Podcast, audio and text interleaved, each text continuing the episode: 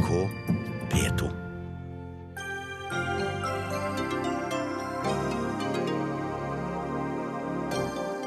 Oppvaskmøte om søndagsåpne butikker i dag, men Rema 1000 sier de vil fortsette med omstridte sperrebånd i sine søndagsåpne butikker.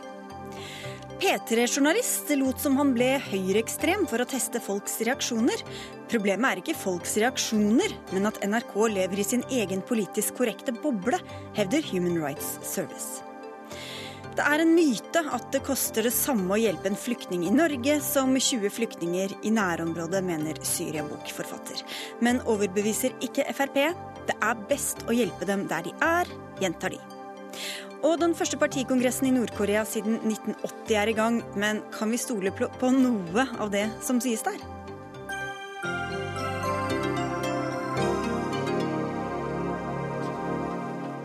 Og det er noen av sakene i dagens Dagsnytt 18 som går som vanlig, inneklemt fredag til tross. Jeg heter Sigrid Solund.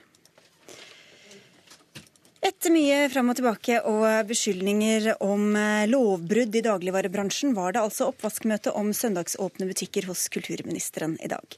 Etter møtet sendte departementet ut en pressemelding om at det var enighet i bransjen om at loven om søndagsåpent ikke er til å misforstå. Rett etter det igjen kom beskjeden fra Rema 1000, som var en av deltakerne på møtet, om at de vil fortsette med denne praksisen de har begynt med, med sperrebånd som skiller deler av butikken på søndager. Så hvor tydelig er egentlig denne enigheten dere proklamerte, Bård Folke Fredriksen, du er statssekretær i Kulturdepartementet? For det første vil jeg si at det var et godt møte. Det er jo ikke alltid man mener det når man sier det, men det, dette var faktisk et godt møte. Da fikk vi den til en annen gang. Og, og kulturministeren var, spurte partene, både organisasjonen og de, de store dagligvarekjedene, om loven var utydelig, om det var tolkningsproblemer eller noe man burde rette på. Og tilbakemeldingen fra alle som en var at loven er tydelig. Og da var det også kulturministerens innstendige oppfordring at når loven er tydelig, ja, så forventer hun at den følges. Mm. Det er nemlig slik at det er Stortinget som endrer lover i Norge, og ikke aktører Men, i forskjellige bransjer. Alle kan jo ha ment at den var tydelig, selv om de tolket den på litt forskjellig måte. Er du sikker på at alle var helt enige om lov, hvordan loven skulle følges? Ja, samtalen i dag ga ingen tvil, etter min mening etterlot ingen tvil uh, om det. Uh, og da er det faktisk viktig for myndighetspersoner som kulturministeren å si det rett ut. Da forventer jeg at loven følges. Så hva ble konklusjonen, da? Hva ble dere enige om? Konklusjonen var at vi hadde hørt på hverandre. Det var partene som hadde bedt om møte, og kulturministeren ville at man skulle få sagt hva man mente. Men, og I tillegg kom det et ønske fra flere av partene som var til stede, om at kanskje burde man få et bedre kunnskapsgrunnlag og utrede dette hele spørsmålet om søndagshandel nærmere. Og Det er et punkt som kulturministeren og Kulturdepartementet tar med seg og vil vurdere. Mette Fossen Beyer, du er direktør for kommunikasjon og samfunnskontakt i Rema 1000 og var altså til stede på møtet i dag. Du sier til VG at dere mener loven er helt klart, som også ble resultatet fra, fra møtet her. Men et par linjer i samme artikkel seinere så sier du at det er mange måter å tolke loven på. Hva mener dere egentlig? Du, Loven er klar, statsråden var klar, og vi er alle klare på hvordan loven kanskje bør tolkes. Men det vi vil ha fokus på, er den praktiseringen som har vært gjennom veldig mange år. Og dette her var jo grunnen til at vi anmeldte 120 butikker hos våre konkurrenter nå i januar, nettopp for å få fokus på at mange i denne bransjen ikke følger loven. Og når det ikke blir håndhevet, og det ikke skjer noen ting politisk, så valgte vi å gå til det skrittet og gjøre det samme som våre konkurrenter. Så dere bryter loven? De, vi tolker den på samme måte som våre konkurrenter har gjort over veldig lang tid. Og som de fortsatt gjør, selv etter å ha signert en søndagsplakat hvor alle skal være enige om hvordan man skal tolke loven. Men dere mener jo at de brøt loven, så den logiske følgen av det må vel være at dere selv mener at dere også selv bryter loven? Ja, og vi vet at vi gjør det. Men vi gjør det for å vise fram at våre konkurrenter har brutt denne loven over mange år, tjent millioner av kroner på ulovlig søndagsåpne butikker, og fortsatt gjør det. Senest på søndag fant vi 80 butikker hos Norgesgruppen i Joker-kjeden, hvor de bryter loven, holder butikker helt åpne og gjør ingenting for å endre på dette. Vi har tilbudt Norgesgruppen å stille i Dagsnytt 18 i dag. Det ville de ikke, men de opplyser at de har engasjert et eget selskap som reiser rundt til deres egne søndagsåpne butikker for å gjøre kontroller. Men eh, Folke Fredriksen, hva syns du om eh, Rema 1000s praksis nå? De sier at de vil fortsette med den? Jeg syns at alle aktørene nå skal uh, gå i seg selv og sørge for at de ikke eh, bryter eh, loven. Og Jeg har også lyst til å si at det er ikke aktørenes praktisering som eh, endrer lovverket. Det er det kun storting og regjering som gjør. hvis Ja, det er henholdsvis... hva syns du om det Rema 1000 gjør, da? Jeg, jeg kommenterer ikke hva enkeltaktører gjør. Jeg mener at alle aktører, og det er i tråd med det kulturministeren sa i dag, skal følge loven. Trine Lise Sundnes, du er leder i Handel og Kontor, som altså organiserer 16 000 medlemmer i dagligvarebransjen. Du har kalt situasjonen for uholdbar, og dere kalte inn sammen med tre arbeidsgiverorganisasjoner til dette hastemøtet. Hva er det som er uholdbart med dagens situasjon? Altså, vi eh, tok initiativ til eh, å få på plass et møte rett og slett fordi eh, vi har en situasjon eh, i en bransje som er en viktig bransje for veldig mange. De som jobber i bransjen har stor grad av yrkesstolthet i forhold til det arbeidet de utfører.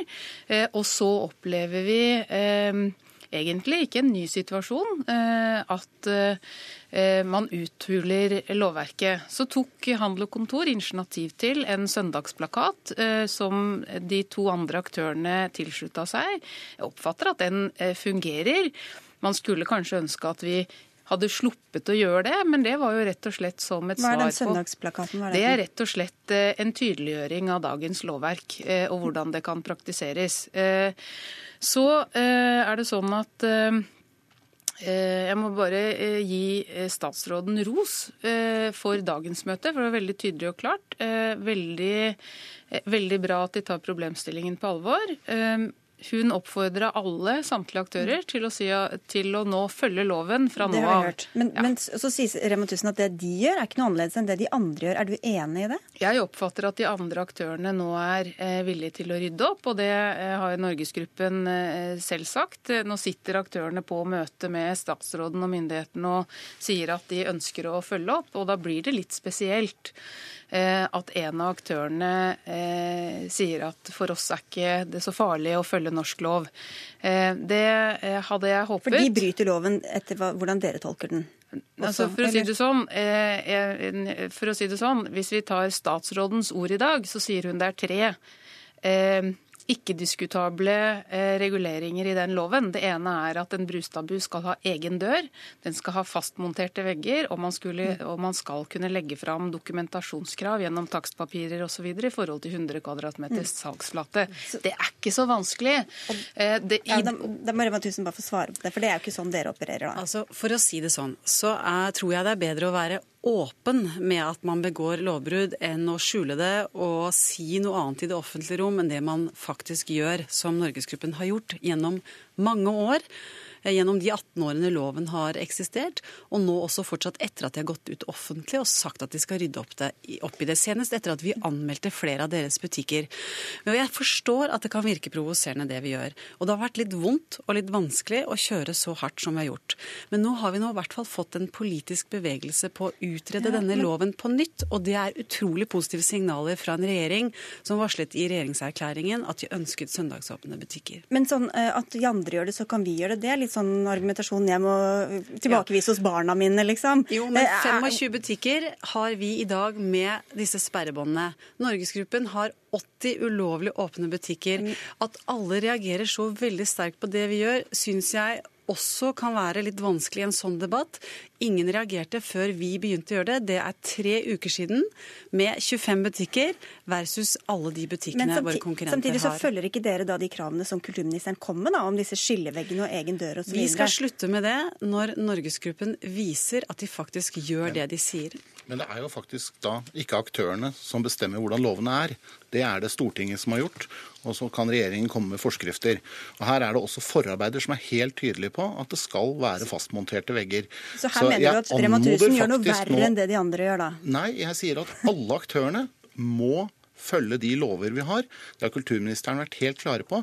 Og det er ingen unnskyldning at andre eventuelt ikke gjør det. Men hvorfor ble det først reaksjoner da Rema 1000 kastet seg inn i det her, når de, når de selv har, mener i hvert fall selv at de har avdekket lovbrudd hos så mange av de andre aktørene? Hva skal vi med en lov som ikke følges opp? Altså det er jo sånn at det er politiet som følger opp eh, lovbrudd i Norge. Og det har vært gitt eh, ganske, til dels ganske store bøter for brudd eh, på denne loven. Jeg tror det som har skjedd de siste ukene, er at man har ønsket en reaksjon på at lovverket har vært strukket for langt.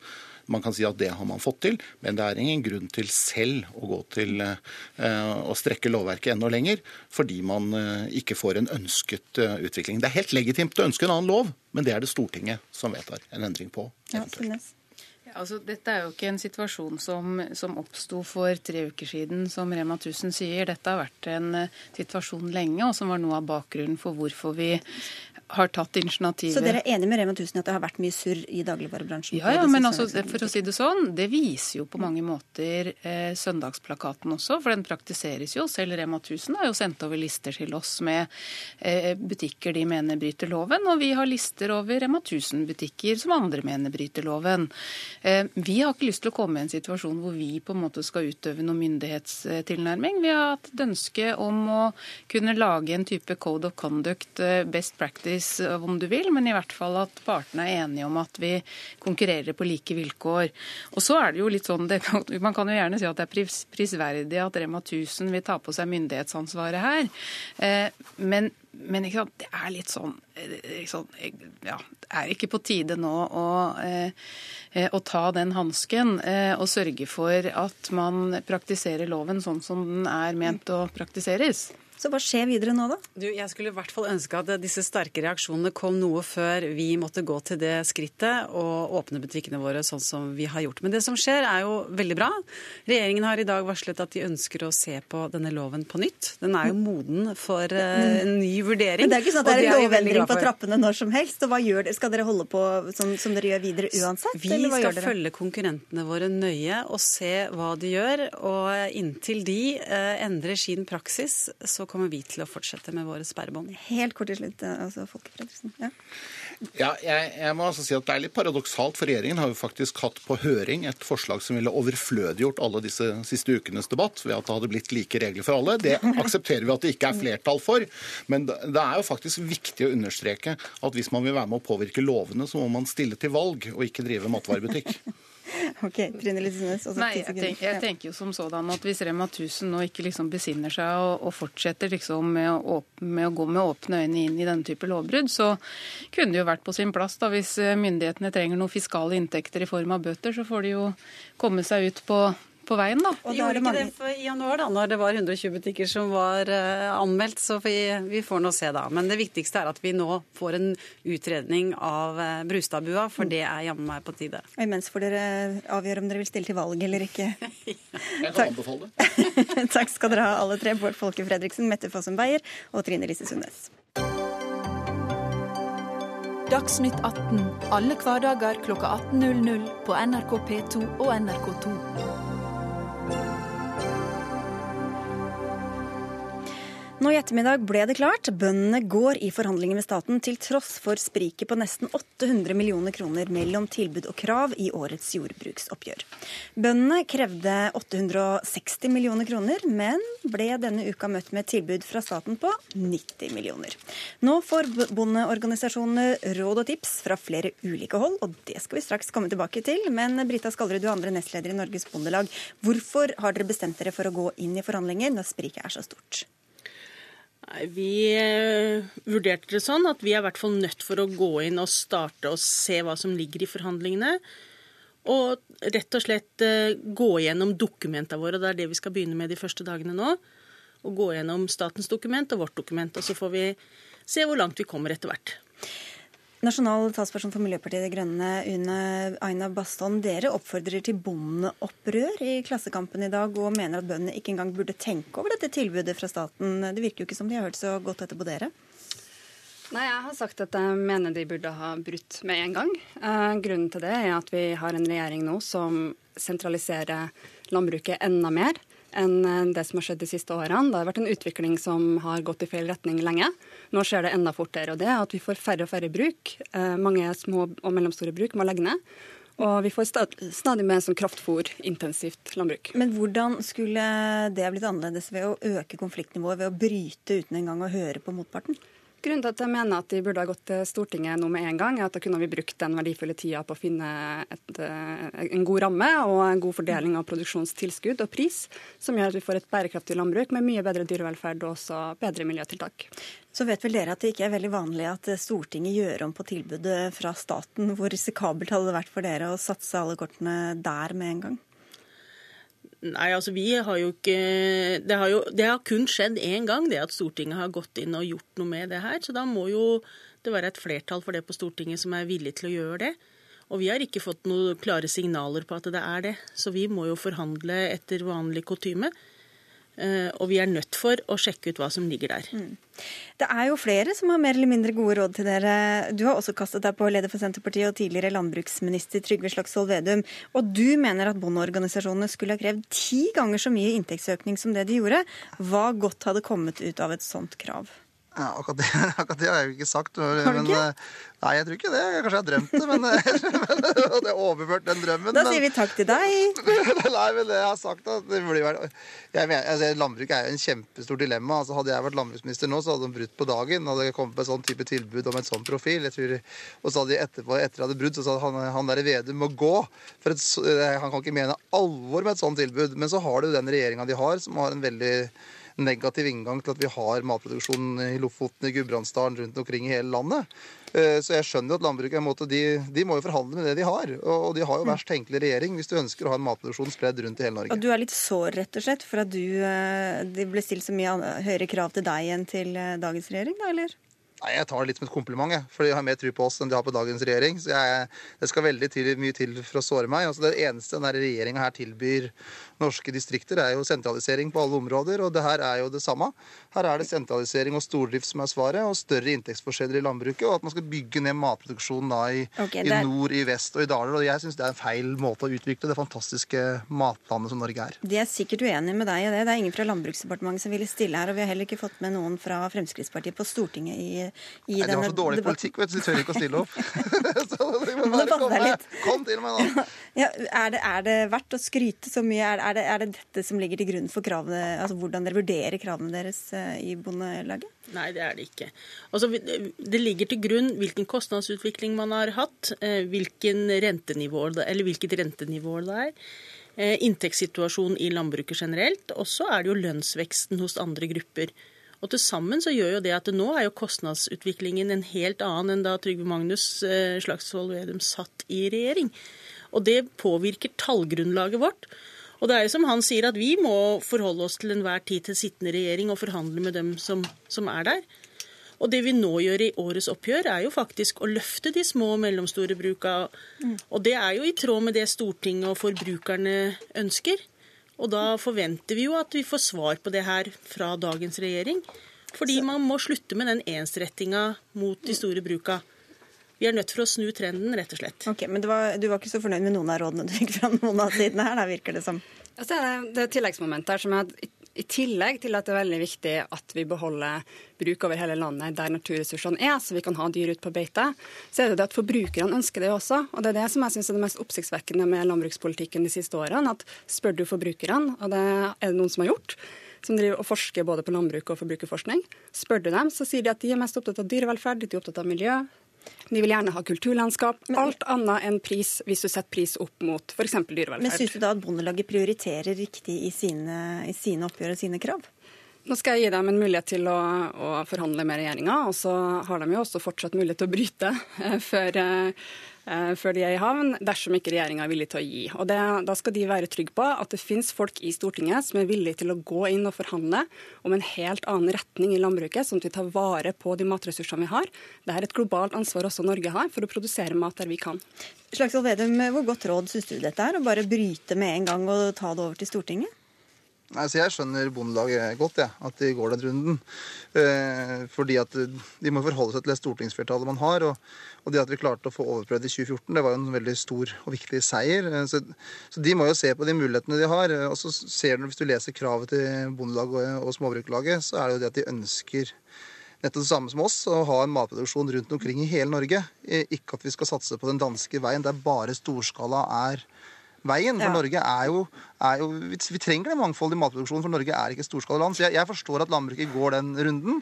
Og så må de ta høyde for de politiske realitetene som er i Stortinget. Og jeg håper at vi får en annen realitet neste høst, sånn at de kan være litt tøffere om to år. Men du, apropos brudd, det var jo din partikollega Lars Peder Brekk som sørget for det første bruddet uten forhandlinger i det hele tatt, vel, da han var landbruksminister i 2012?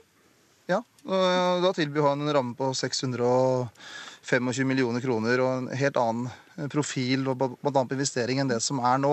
Så, så, Sånn er det. og Landbruket til enhver tid må jo se på hvilke muligheter er det de har til å presse Stortinget til å få til forbedringer. Og En av de tingene som var altfor dårlig i forrige periode, var at det var et for dårlig tollvern.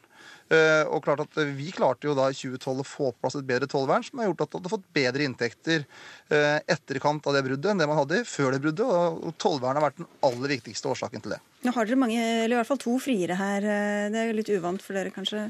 Ja, det, altså Jeg liker jo det at, at, vi har flere partier på Stortinget som på en måte nå byr på Eh, landbruks- og matpolitikk. De er ikke så store, da. Nei, men uansett, vi trenger jo det. Altså, Landbruks- og matpolitikk er jo noe som angår alle og enhver i det her landet hver eneste dag, om man liker det eller ikke. For alle eter jo mat. Så Derfor så syns jeg det er viktig. Og det som de må gjøre i fortsettelsen, er jo å påvirke eh, sine kompanjonger på Stortinget og andre steder om hvordan maten skal produseres, hvor den skal produseres.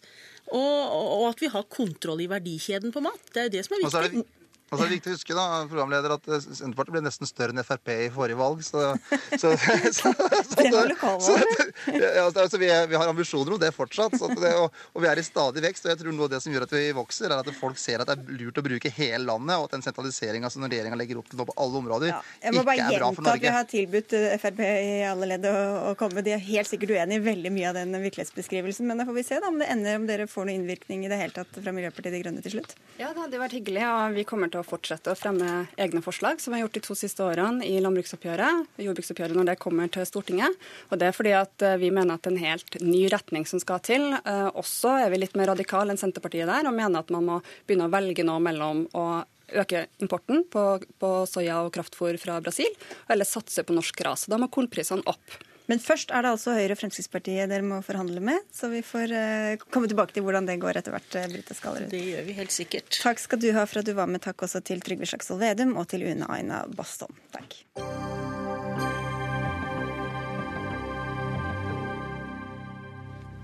Denne uka lekket miljøorganisasjonen Greenpeace hemmeligstemplede dokumenter i den pågående forhandlingen om frihandelsavtalen mellom USA og EU, Transatlantic Trade and Investment Partnership, eller TTIP, som den også kalles på folkemunne, hvis et sånt uttrykk kan brukes eh, i denne saken.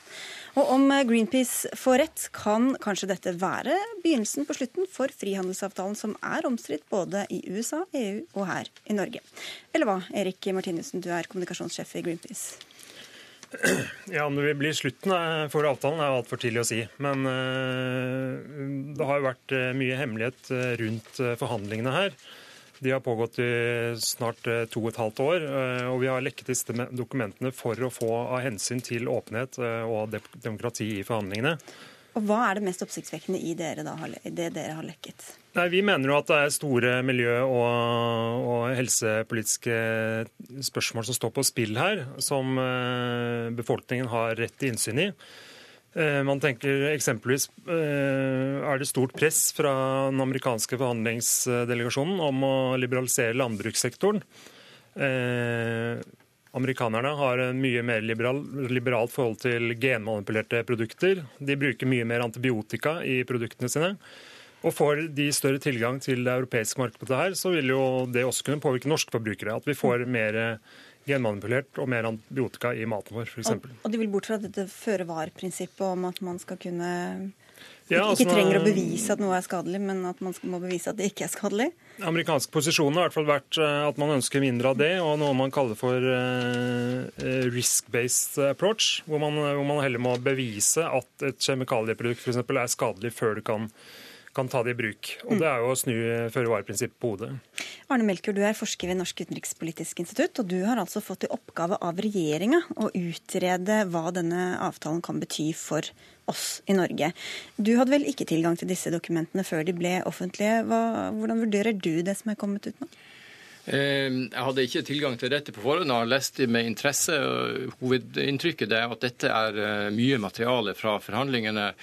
Eh, Ofte så er det utspill fra USA og EU eh, separat, som, slik at vi kan ikke lese ut fra disse dokumentene hva som blir resultatet i avtalen. Så, så det var sånn sett færre sensasjoner enn man skulle tro ut fra den første omtalen. Ja, Det er ikke så farlig som Eller det, det, ikke det blir ikke nødvendigvis så farlig hvis man mener det er farlig, da, som det Greenpeace skal ha det til?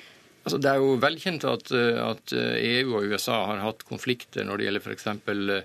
Eh, bruken av hormoner i kjøttproduksjon, eh, synet på genteknologi, hvor Nord- og Sør-Amerika og Asia har en mer eh, positiv holdning til, til genteknologi, mens, mens Europa har en annen profil. Så, så det er en velkjent konflikt. og jeg ville bli veldig overrasket hvis TTIP-avtalen skulle på en måte endre EUs eh, hovedprofil på dette området. Det er bare innspill. Det er ikke sånn avtalen nødvendigvis blir. Nei, heldigvis. Eh, Vi får jo håpe at, eh, at EU står eh, på det de har lovet. Det har jo vært sagt hele tiden fra Europakommisjonen at de forhandler med utgangspunkt i at de ikke skal redusere kravene til miljøstandardene de har satt. Men det ligger jo muligheter her for selskaper, amerikanske selskaper etterpå å kunne saksøke stater som strammer opp regelverket sitt. Og Det er jo en av de utfordringene vi ser i denne avtalen. At, eh, at selskaper skal kunne saksøke stater som innfører strengere miljøregler. Da. Men hvordan skal du kunne vurdere hva en sånn avtale vil bety for oss, hvis ikke du har tilgang til denne type dokumenter, egentlig? Eh, Denne, avtalen, eh, denne analysen skal jo det jo- skal foretas av et tverrfaglig team med forskere fra Tyskland og Norge. Vi vil ha hovedfokus på de økonomiske effektene, men også hva slags handlingsvalg eh, Norge har, og, og hvilke juridiske implikasjoner avtalen har. Bl.a. den tvisteløsningsordningen som eh, ble omtalt her. Da. Så dette er liksom for lite til at dere legger Nei, det er klart at dette, dette er en uhyre viktig eh, altså Det er veldig viktig at TTIP tar sikte på samarbeid også på reguleringsområdet. Og Det betyr at, eh, at for det første så er det en usikkerhet om hvor langt man lykkes i å bli enige. Det er, det er vanskeligere å lage et indre marked over Atlanteren enn det er innad i Europa. Eh, Liv Signe Navarsete, du er stortingsrepresentant for Senterpartiet. Hva var det vi sa, vil du kanskje si om disse avsløringene? Det kunne selvsagt være fristende, eh, det. Men eh, det som iallfall er sikkert, er at eh, det vi nå kan lese i de lekka dokumentene, styrker jo det som eh, vi har sagt ganske lenge. Eh, nemlig at eh, TTIP-avtalen er ikke en eh, avtale som eh, tilgodeser folk flest med høyere standarder for matsikkerhet, for helse, miljø, arbeidstakerretter.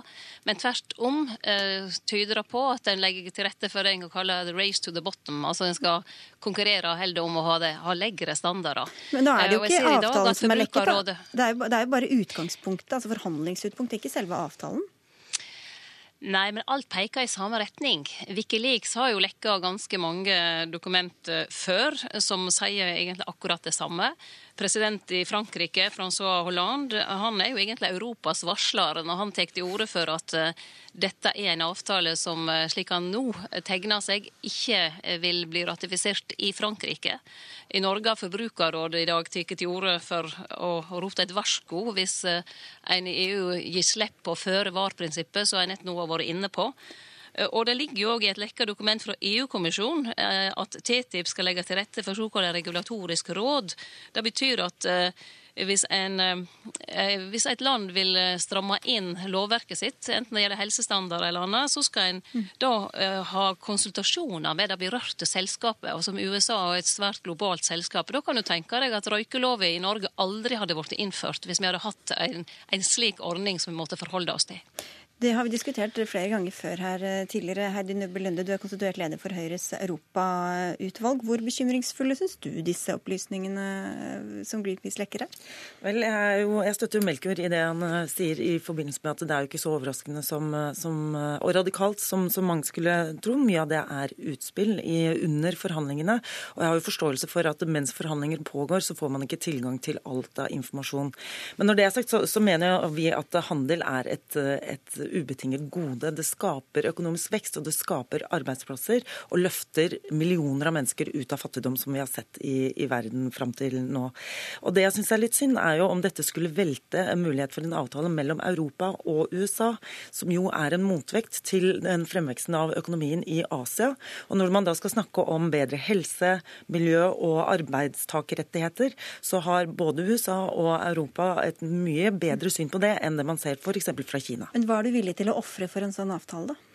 Jeg trenger ikke foreløpig ofre så, så, veldig mye, men jeg har lyst til å minne om at på, på, på svært mange ting så har um, at en del av innvendingene som USA kommer med, er jo helt legitime. F.eks. har EU en helt andre standarder for f.eks. genmodifisert uh, mat, hvor 300 eh, millioner amerikanere i snart 20 år har spist genmodifisert mais og soya og ikke ser ut til å ta store, stor skade av det. Og Da begynner de å si at for å jobbe ned handelsbarrierer, så er dette uvitenskapelige barrierer som er satt opp, og det er derfor antageligvis de har disse utspillene. Melker, du sa du hadde lest med interesse. Hvor bekymret blir du for matsikkerhet og genmodifisert mat, kjemikaliebruk osv. ut fra det som er kommet fram? Jeg tror det er en feiloppfatning at, eh, at USA generelt er lave standarder for mat og helse. Altså, både USA og EU består av rike land som har høye standarder og streng lovgivning, så, men det er forskjeller. da, og Dette vil man prøve å bygge eh, bro mellom. da, og USA har et annet eh, syn på genteknologi, men det betyr ikke at standardene generelt er lave i USA. Altså, Å tro at forbrukervernet er svakt i et land der hvor en kvinne kan få 20 millioner i erstatning fra McDonald's fordi at de serverer henne for varm kaffe, er jo litt naivt. Nei, altså, To ting. Eh, det er jo, alle er jo kjent med at eh, landbruket i USA er mye mer industrialisert enn det er i Europa. Og det har hatt konsekvenser i forhold til antibiotikabruken. De bruker mye mer antibiotika enn vi gjør. Eh, det andre er dette med plantevernmidler. Eh, har, de har eh, altså korn i USA som har blitt resistent mot plantevernmidler eh, pga. veldig sterk bruk av det. Og Det samme ser vi innenfor andre områder. Når det, når det, kommer til dette med, som vi ikke har vært godt nok innom, mener jeg, i forhold til hvordan selskapet kan saksøke regjeringer som hever miljøstandarden, så er jo det veldig alvorlig. Vil, vil, vi, I USA så har jo Obama-administrasjonen forbudt en, en, rørledning eh, fra Canada eh, som skulle ta oljesand fra Canada til USA. Eh, og Det er jo stoppet de pga. miljøhensyn.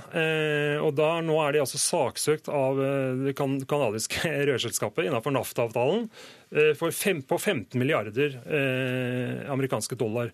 Og det er klart at da, Når avtalen legger den type myndighet hos storselskapene, og samtidig tar, antyder at man skal ha bort føre-var-prinsippet og en del sånne prinsipper som ivaretar folk flest, så er det noe med retningen innenfor den avtalen som er ganske bekymringsfull. Ok, Da skal Nordlund få svare på det før vi slipper til Navarsete. Men Det er absolutt bra med reguleringer som sikrer forbrukernes rettigheter, og det er jo også denne regjeringen eh, for. Og Vi er også svært fornøyd med at Senterpartiet og Greenpeace her faktisk anerkjenner at EU her går foran med et eh, godt eksempel. Det er jo ikke alltid så, så riktig. Men, så føre-var-prinsippet er et godt prinsipp. Men det er mange som har snakket mye om denne potensielle saksøkingen, altså at man, hindrer, man mister nasjonal selvråderett.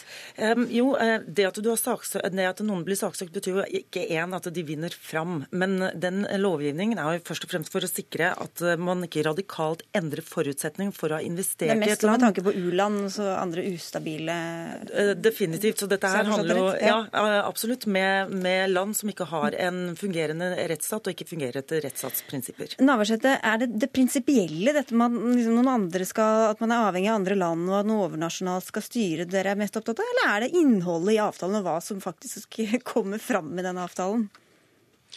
det innholdet i avtalen som, eh, som, egentlig er egnet til å skremme fanden på flatmark, hvis en er opptatt av å sikre den norske modellen med strengt regelverk både for miljø, for å vi har gode arbeidstakerrettigheter i Norge. Da er det jo ikke innholdet i avtalen, da er det jo selve avtalen du, du er redd for, og ikke innholdet i den. Vi Vi er redd for innholdet og hva retning den vil ta samfunnet. Og den vil ta Norge i samme retning som EU, for vi har en EØS-avtale som gjør at vi er kobla veldig tett på EU. Og når det blir sagt fra Høyre at vi liksom holder fram EU som et godt føredøme, så har Norge høyere standarder enn EU igjen, både på sprøytemidler, på eh, bruk av eh, ja, antibiotika osv.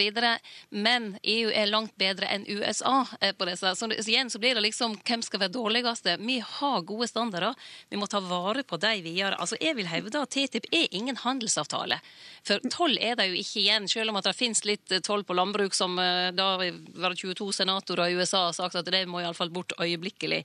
Men det er en dette handler om uregulert frihandel kombinert med investor-stat-tvisteløsning, som gir store selskap enorm makt, og den makta den går på bekostning av forbrukere, folkevalgte, miljø altså det som er viktig for å opprettholde eh, det eh, systemet som vi har bygd opp både i Norge og heldigvis òg i Europa, stort sett.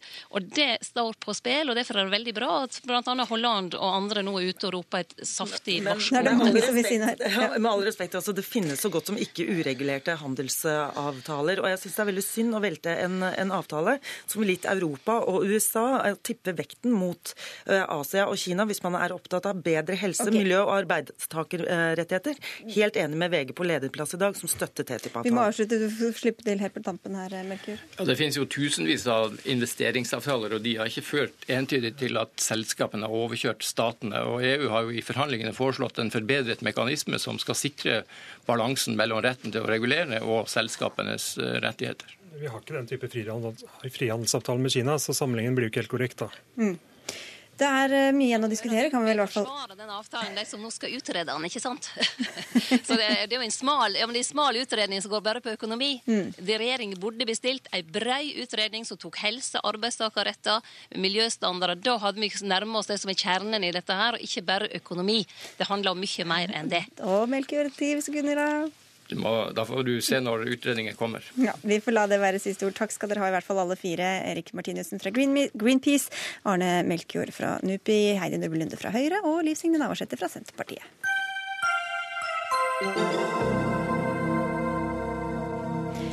En journalist fra NRK P3 ville sjekke hvordan venner og familie reagerte hvis han ble høyreekstrem. Men dokumentaren har skapt en litt annen debatt enn det som vel var tanken fra redaksjonens side. For nå kommer det reaksjoner fra flere hold om at dette prosjektet viser at NRK lever i en egen politisk korrekt boble. Programmet forteller mer om NRK og hva de mener er islamfiendtlig enn det sier om resten av oss, eh, skriver du, Nina Gjerpseth Østli, du er redaktør for nettsida til eh, islamkritiske Human Rights Service. Hva er galt med dette prosjektet fra NRK P3?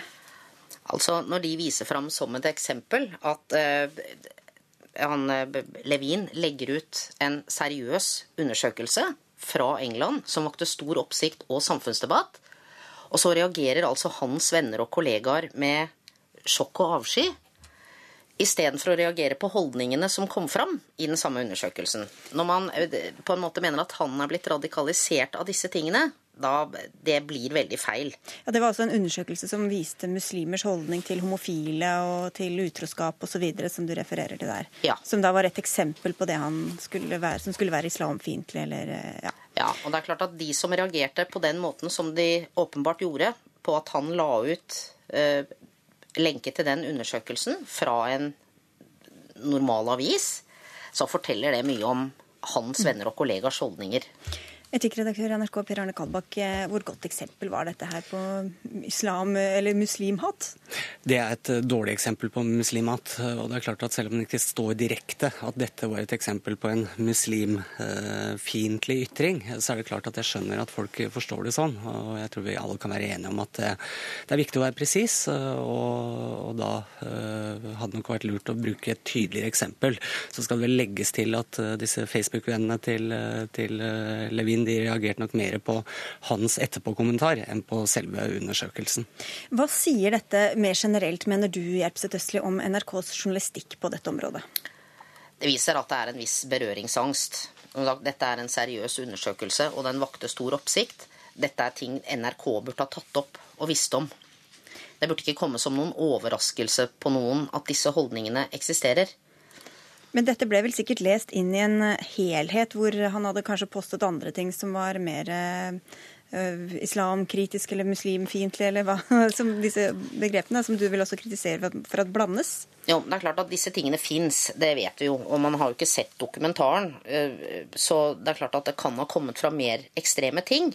Men når man kommer med en teaser om en dokumentar og bruker dette som et eksempel, og at folk reagerer med sjokk og vantro, ja da Vi har, eller vi, NRK, har berøringsangst, sier hun her, Kalbakk.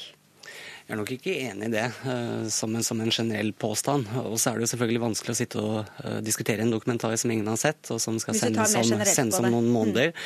Mm. At vi generelt har det, det er jeg ikke enig i. Jeg ser også at Gjerpseth Østli skriver i dag, som Kjetil Rollenes også skrev i en kronikk om samme tema, at det knapt er journalister i NRK som jobber og lager journalistikk om problemer med integrering, innvandring, ekstrem islam.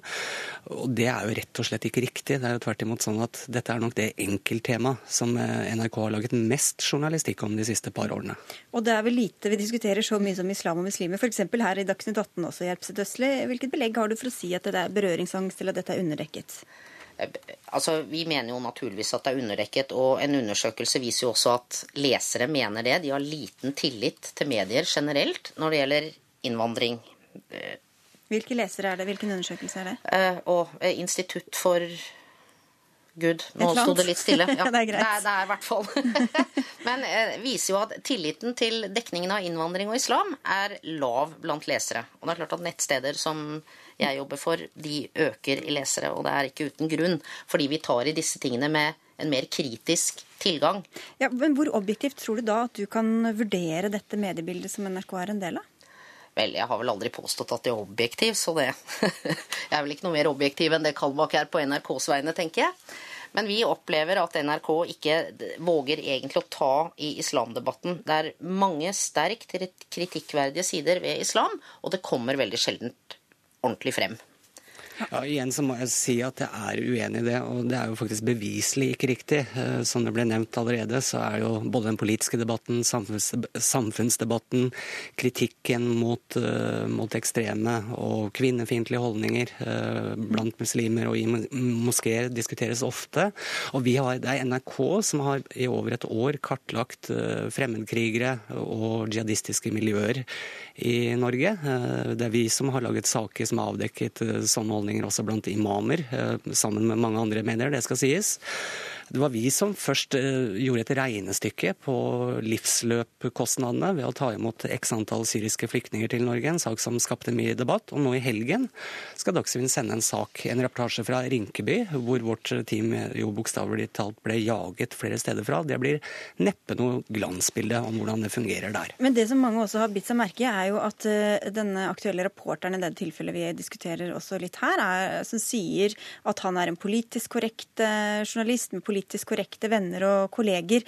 Hvordan sikrer NRK at ikke brorparten av journalistene er helt like, og med et lite differensiert syn på denne, dette saksfeltet?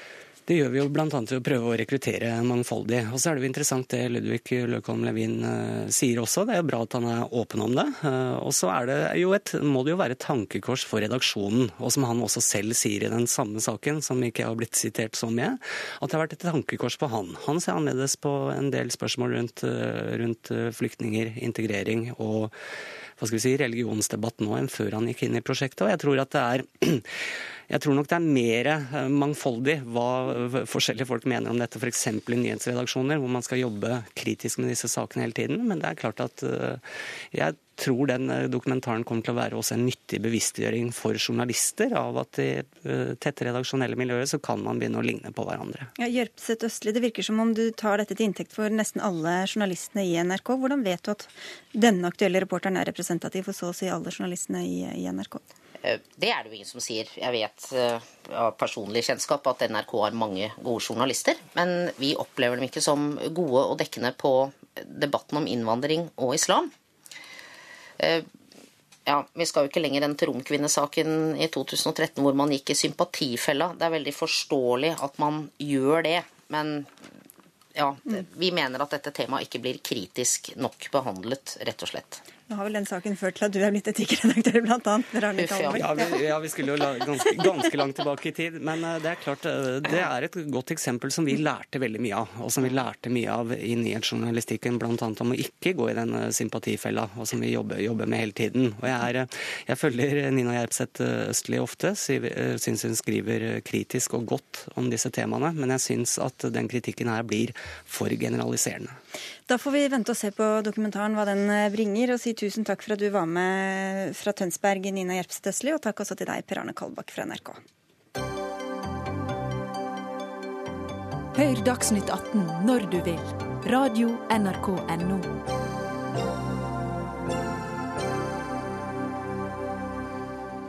Og nå til verdens mest lukkede land, nemlig Nord-Korea. For landets diktator Kim Jong-un eh, skrøt av eh, nasjonens atomvåpen under dagens åpning av det nordkoreanske kommunistpartiets første partikongress på 36 år. Diktatoren, diktatoren har samlet tusenvis av eh, valgte delegater fra hele landet til hovedstaden Pyongyang. Og i anledning kongressen er journalister fra hele verden også invitert. Spørs bare hvor mye de får vite. Eh, eh, Torben Henriksen, du er koordinator eh, for Asia i Norges Røde Kors, og du har vært i Nord-Korea 20 ganger de siste 15 åra, nå senest i april. Det er sikkert mange som har sett bilder i dag som dere har distribuert, som dokumenterer et Nord-Korea i fattigdom, stikk i strid med det glansbildet landet selv presenterer. Hva kan du si om situasjonen for folk i Nord-Korea nå? Ja, situasjonen for folk i Nord-Korea er eh, dramatisk. Eh, reiser vi ut av Pyongyang, som er et eh, utstillingsvindu på mange måter, eh, så ser vi jo et jordbrukssamfunn eh, over hele landet. Eh, vi ser en befolkning nå som graver og hakker i jorda for å, å sikre at avlingene blir best mulig. Det er det folk er sysselsatt med. Eh, fokuset er på å få nok mat i magen, eh, og det er primærfokuset på landsbygda. Hva så dere av forberedelser til denne partikongressen? På landsbygda så vi fint lite til forberedelsene. Eh, det eneste vi så var en og annen plakat som, som signaliserte at noe stort var på gang. Men utover det så var fokuset et helt annet sted, og det var på å sikre gode avlinger. Sunn Heidi Sebe, du er født i Sør-Korea. Du er nyhetssjef i Dagbladet, forfatter av boka 'Kims lek' eh, fra et år til, par år tilbake. Det er fint lite som er kommet ut fra denne kongressen foreløpig. For ifølge Reuters var alle de utenlandske journalistene samlet hundrevis eh, av meter fra hallen der denne syvende partikongressen for Arbeidernes parti altså holdes. Hvorfor inviteres verdenspressen i det hele tatt eh, når det er så lukket? Ja, Siri, Det er nok ment som en gest for å vise at her skal vi liksom for å la dem være med på feiringen. Eh, men regien rundt det her er det jo selvfølgelig eh, Kim Jong-un som har, og han ønsker nok ikke at journalistene skal komme så veldig tett på. Eh, dette er en fest som er det er dels for å revitalisere partiet, sånn som det var under Kim Il-sungs velmaksdager. Det er en anledning til å hylle han han har jo sittet i fem år ved makta nå. Og så er det jo da venta at vi skal få en slags programerklæring. Eh, og få vite mer om hvilken retning Kim Jong-un skal ta landet. Men med tanke på at de holdes så sjelden, hvorfor akkurat nå, da? Bortsett fra at han vil feire seg selv? Nei, det er Altså, jeg tror rett og slett det er liksom de tre tingene. At han, mm. han nå var det på tide. Og det, nå har han også kommet ganske langt, ifølge han selv, eh, med landets atom- og missilprogram. Um, og det vi tror, er jo nettopp at han skal si at se, nå har vi kommet så langt. Uh, vi er egentlig klare vi nå for å fokusere på å få til økonomisk vekst. Mm. Nå vet hele verden at vi er klare til å forsvare oss med atomvåpen. Og bedre levekår for uh, Ikke minst. folket. Ja. Men ja, hva vet dere om um, Dere har holdt på der lenge i, i Røde Kors. Hva vet dere om levekårene og helsetilstanden rundt, rundt omkring? Røde Kors har jobba i Nord-Korea siden midten av 90-tallet, eh, og vi vet en del. Eh, vi vet eh, at helsevesenet f.eks. ikke fungerer. Det er ikke medisiner på sykehusene. Det er knapt oppvarming i husene på vinterstid. Matvaremangel var vi inne på. Det mangler 1,1 millioner tonn mat i Nord-Korea, selv med internasjonal humanitær bistand. Og folk må leve på et eksistensminimum. Vannekvaliteten er elendig. Og, og, og barn eh, blir syke og får diaré. Og det kan i verste fall ha dødelig utgang. En sykdom som er lett kurerbar eh, andre steder. Hvor mye av det kan tilskrives satsinga på dette atomprogrammet, og at det er det som har stått, og det militære som har stått i fokus? Den Sungun-politikken som faren Kim Jong-il sto for på 90-tallet, har vært helt ødeleggende for Nord-Korea. Og det er snakk om at minst en fjerdedel av bruttonasjonalproduktet har gått til å styrke det militære. Så det er jo ingen tvil om at det ja, har, det, har, bidratt eh, til at det landet ligger langt tilbake utviklingsmessig. Så det er en helt bevisst strategi eller prioritering? Det er en prioritering. Så er det selvfølgelig sånn at de har jo heller ikke gjort veldig mye for å få til økonomisk vekst. Um, og det er jo også en slags villet politikk. Um, det sammenlignes ofte med Kina, og man spør seg om man kan få til den samme økonomiske utviklingen og overgangen fra en planøkonomi til en markedskapitalistisk økonomi. Um, men Kim Jong-il var i Kina allerede i 2006 og så på de her økonomiske sonene som, som, ble starten på den økonomiske veksten i Kina. Og han kan jo åpenbart ikke ha likt det han så, for har, vi har jo ikke sett det samme initiativet i Nord-Korea. De to forsøkene som har vært på økonomisk samarbeid, har jo ikke skutt fart. Og de er også veldig utsatt for politiske humørsvingninger. sånn at når det da blir eh, dårlig stemning mellom Nord-Korea og Sør-Korea eller mellom andre land, så stenges disse samarbeidene ned. Da. Så hvor troverdig er nå den satsinga på økonomisk vekst og bedre kår for folk i Nord-Korea? Jeg tror at det er et oppriktig ønske om å skape en bedre levestandard. Um, eh, I nyttårstalen som var nå, så snakket han mye om å få til økonomisk vekst. Han har en sånn frase som han har brukt siden 2013, hvor han snakker mye om et uh, Han skal få til et svært sivilisert og sosialistisk samfunn. Og han snakker mye om ungdom.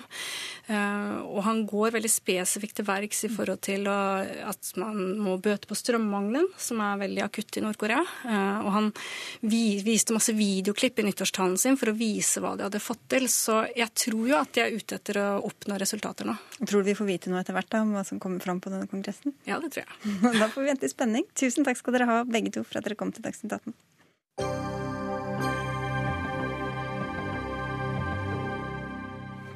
Hvor ofte har du hørt argumentet 'vi kan hjelpe 20 flyktninger i nærområdene for det samme som det koster å hjelpe én flyktning i Norge'? Denne motsetningen har vært brukt hyppig i debatten om hvor mange flyktninger og asylsøkere vi skal ta imot og gi opphold, bl.a. av statsminister Erna Solberg. Men hele denne sammenligninga er en myte, påstår du, Emil André Erstad, i boka du har skrevet 'Farvel Syria'. Hvordan er det en myte? Ja, Dette, som veldig mange andre eh, argument i debatten om flyktningene fra Syria, er basert på myte mer enn det er basert på fakta. Eh, og Vi ser at eh, vi sammenligner her f.eks. med sammenligner hvor mange vi kan hjelpe i nærområdene ved å ta imot kvoteflyktninger til Norge. Eh, egentlig hummer og kanari. Det er ikke mulig å sammenligne i det hele tatt. fordi Ved å ta imot en kvoteflyktning til Norge, så gir vi dem eh, tilgang til velferdstilbud, til eh, bostad, jobb, utdanning. Mens i nærområdene så kan det hende at du bare får hjelp til eh, Du får et, en plass å bo, eller du får vann, eller du får klær ja, kanskje utdanning. Eh, men det bare, kan òg være bare én av disse tingene du får. Og det er jo ikke en, en, relevant sammenligning. Men det er jo den samme potten pengene skal tas fra, og da er det vel åpenbart at det er dyrere å hente noen til Norge med alt det innebærer, enn å gi dem vann og mat og det mest nødvendige i nærområdene. Og da kan hjelpe flere. Hvorfor blir det da feil? Selvfølgelig skal vi uh, hjelpe flere, og det er billigere å hjelpe dem der de er. Men det som blir feil med dette, er at vi skaper en, et inntrykk av at proporsjonene er så veldig store. Én 1 til 20, det er ikke riktig i det hele tatt. Eh, de aller fleste bør bli hjulpet nærmest mulig av de er, og de bør få, eh, få best mulig hjelp der, og vil ha hjelp der. Eh, men regjeringa gir et inntrykk av at dette er, det er så utrolig kunnskap, eller utrolig lite smart å ta flyktninger til Norge, fordi det, det da er mye dyrere. Det er ikke så mye dyrere, det er litt dyrere. Anne Stenersen, du er leder i Oslo Frp. Det går ikke an å sammenligne, hører vi Erstad. Hvorfor gjør dere det likevel, da? At det er ingen tvil om at det er mer lønnsomt og mer effektivt å hjelpe flyktningene i nærområdene. Det er det ingen som helst usikkerhet om. Det er sånn at man skal få hjelp der man trenger det mest, og der man trenger det nærmest. Eh, og så skal man heller eh, bruke mer penger i nærområdene enn å gjøre det her i Norge. 10 milliarder kroner har lev nei, regjeringen levert, eh, mm. og det kommer sikkert noe mer. Men så er det også sånn at jeg er jo kommunepolitiker, eh, og jeg ser jo hvordan dette påvirker f.eks. budsjettene i Oslo kommune. Altså Vi har utgifter på barnevern, vi har utgifter på skole, og vi har utgifter til norskopplæring. at det er, totalsummen er veldig, veldig veldig mye større å hjelpe et stort antall her mm. enn å hjelpe de i nærområdene. Men de får ikke den samme hjelpen i nærområdene. Så hvis du skulle gi dem det samme tilbudet der som her, så hadde det jo prisen sett helt annerledes ut. Så hvorfor er det i det hele tatt sammenlignbart? I nærområdene så skal man få hjelp til språkopplæring, utdannelse og sysselsetting. Eh, og så skal man, når konflikten er over, så skal man returnere til hjemlandet sitt. Det er også tanken bak å ha en flyktning i Norge, at man skal returnere tilbake til hjemlandet sitt. Eh, det min motdebattant mener, er at han ønsker å ta inn flest mulig i Norge og integrere Nei, de og bosette de her, sånn at flest mulig kan bo i Norge hele livet sitt, uavhengig av om det er krig i Syria f.eks. eller ikke. Det, det, blir jo feil. Ja, det er helt feil det du sier. Nei, fordi... det er det du mener. Jeg, jeg, ønsker at vi skal hjelpe flest mulig nærmest mulig der de er. Jeg syns regjeringen gir et helt galt inntrykk når, når, statsministeren og flere andre representanter for regjeringen sprer denne myten om at vi kan hjelpe én eh, flyktning i Norge for prisen av 20 i nærområdet. Det er ikke sant. Det er, det er å sammenligne hummer og kanari. Det, er, det er forblir en myte så lenge vi sier det. Jeg tror debatten hadde vært mye mer fruktbar hvis vi hadde sagt at vi kan hjelpe mange i nærområdene, eh, og, eh, så mange som vi kan hjelpe i nærområdene, og vært ærlige på at det er ikke mulig å sammenligne disse to mm. tingene i det hele tatt. Hvorfor er det så uheldig å sammenligne det, da? Nei, altså, Fordi det gir et galt inntrykk. Det, det, er jo feil. Vi kan ikke hjelpe eh, 20 flyktninger i Jordan for prisen av én i Norge. For det er ikke de to samme tingene vi snakker om i det hele tatt. Det er ikke den samme hjelpen vi snakker om. Men, altså, det her er jo en av flere myter som eh, representanter for regjeringen bruker. Og Mitt poeng er at regjeringen da bygger politikken på myter mer enn de bygger på fakta. F.eks. Når, eh, når de sier at vi kan hjelpe flyktningene i flyktningleirer. Sylvi Listhaug sto i en flyktningleir i Tyrkia i fjor høst og sa at se her, flyktningene har det kjempefint i flyktningleirene i Tyrkia. Men sannheten da er jo at de fleste flyktningene i nærområdene, altså nesten litt over 80% av flyktningene, bor ikke i flyktningleirer. De bor i byer, tettsteder og såkalte vertssamfunn. Det bor flere flyktninger i Istanbul enn det bor i hele Europa til sammen. Så da sprer vi altså òg her en myte. fordi de flyktningene som ikke bor i flyktningleirer, de har helt andre utfordringer eh, med sitt liv enn det flyktningene som bor i flyktningleirer. Men, men nå er, la oss ta en flyktningleir som f.eks. er uh, Al-Satari, som er verdens nest største flyktningleir. Uh, der sier jo leirsjefen sier jo akkurat nøyaktig det samme som det Fremskrittspartiet sier. Han sier at det viktige er å få uh, utdanning og sysselsetting i flyktningleirene, og så skal de returneres til hjemlandet når de er ferdige. Men Er hvorfor dere snakker så mye og besøker disse flyktningleirene hvis det er sånn at de fleste ikke bor i flyktningleirer og har det mye verre enn det, de bildene som blir vist fram med f.eks. Sylvi Listhaug eller Erna Solberg? Nå er det sånn at vi, vi samarbeider med FN, eh, og vi besøker de flyktningleirene hvor vi gir midler til. Eh, og Det er en trygghet fordi vi også skal ha kontroll Hva slags bilde skaper ja, det av virkeligheten? Det skaper et bilde fordi vi i Fremskrittspartiet kan jo ikke bestemme hvem som skal bo i de leirene eller ikke. Hvis noen velger å flytte inn til en by eller velger å flytte inn til leilighet, så kan jo ikke vi kontrollere det. det, det vi ønsker, er å gjøre det best mulig for de menneskene som er i de leirene, hvor vi kanaliserer inn penger.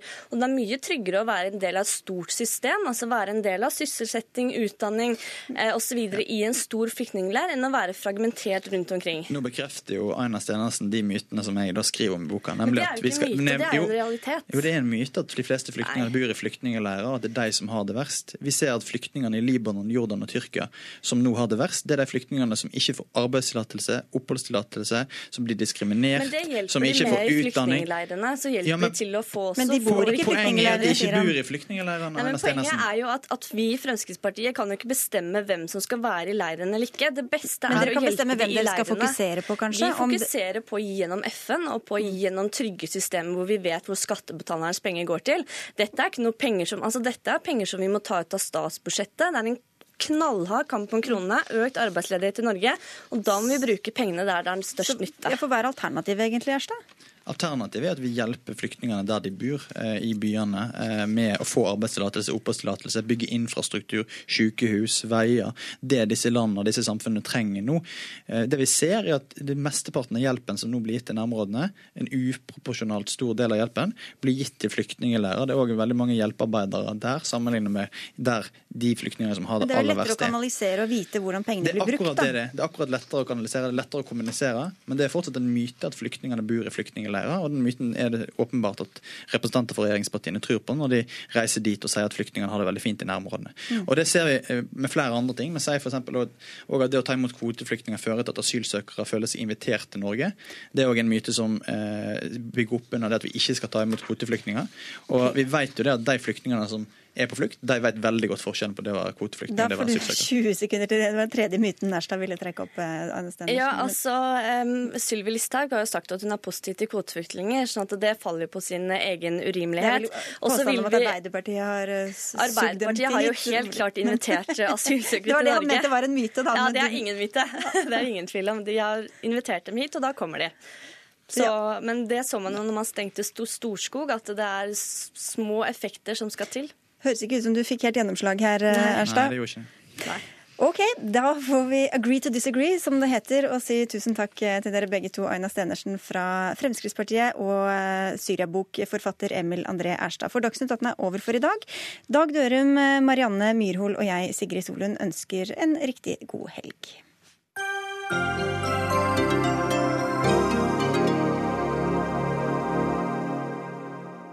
Hør flere podkaster på nrk.no podkast.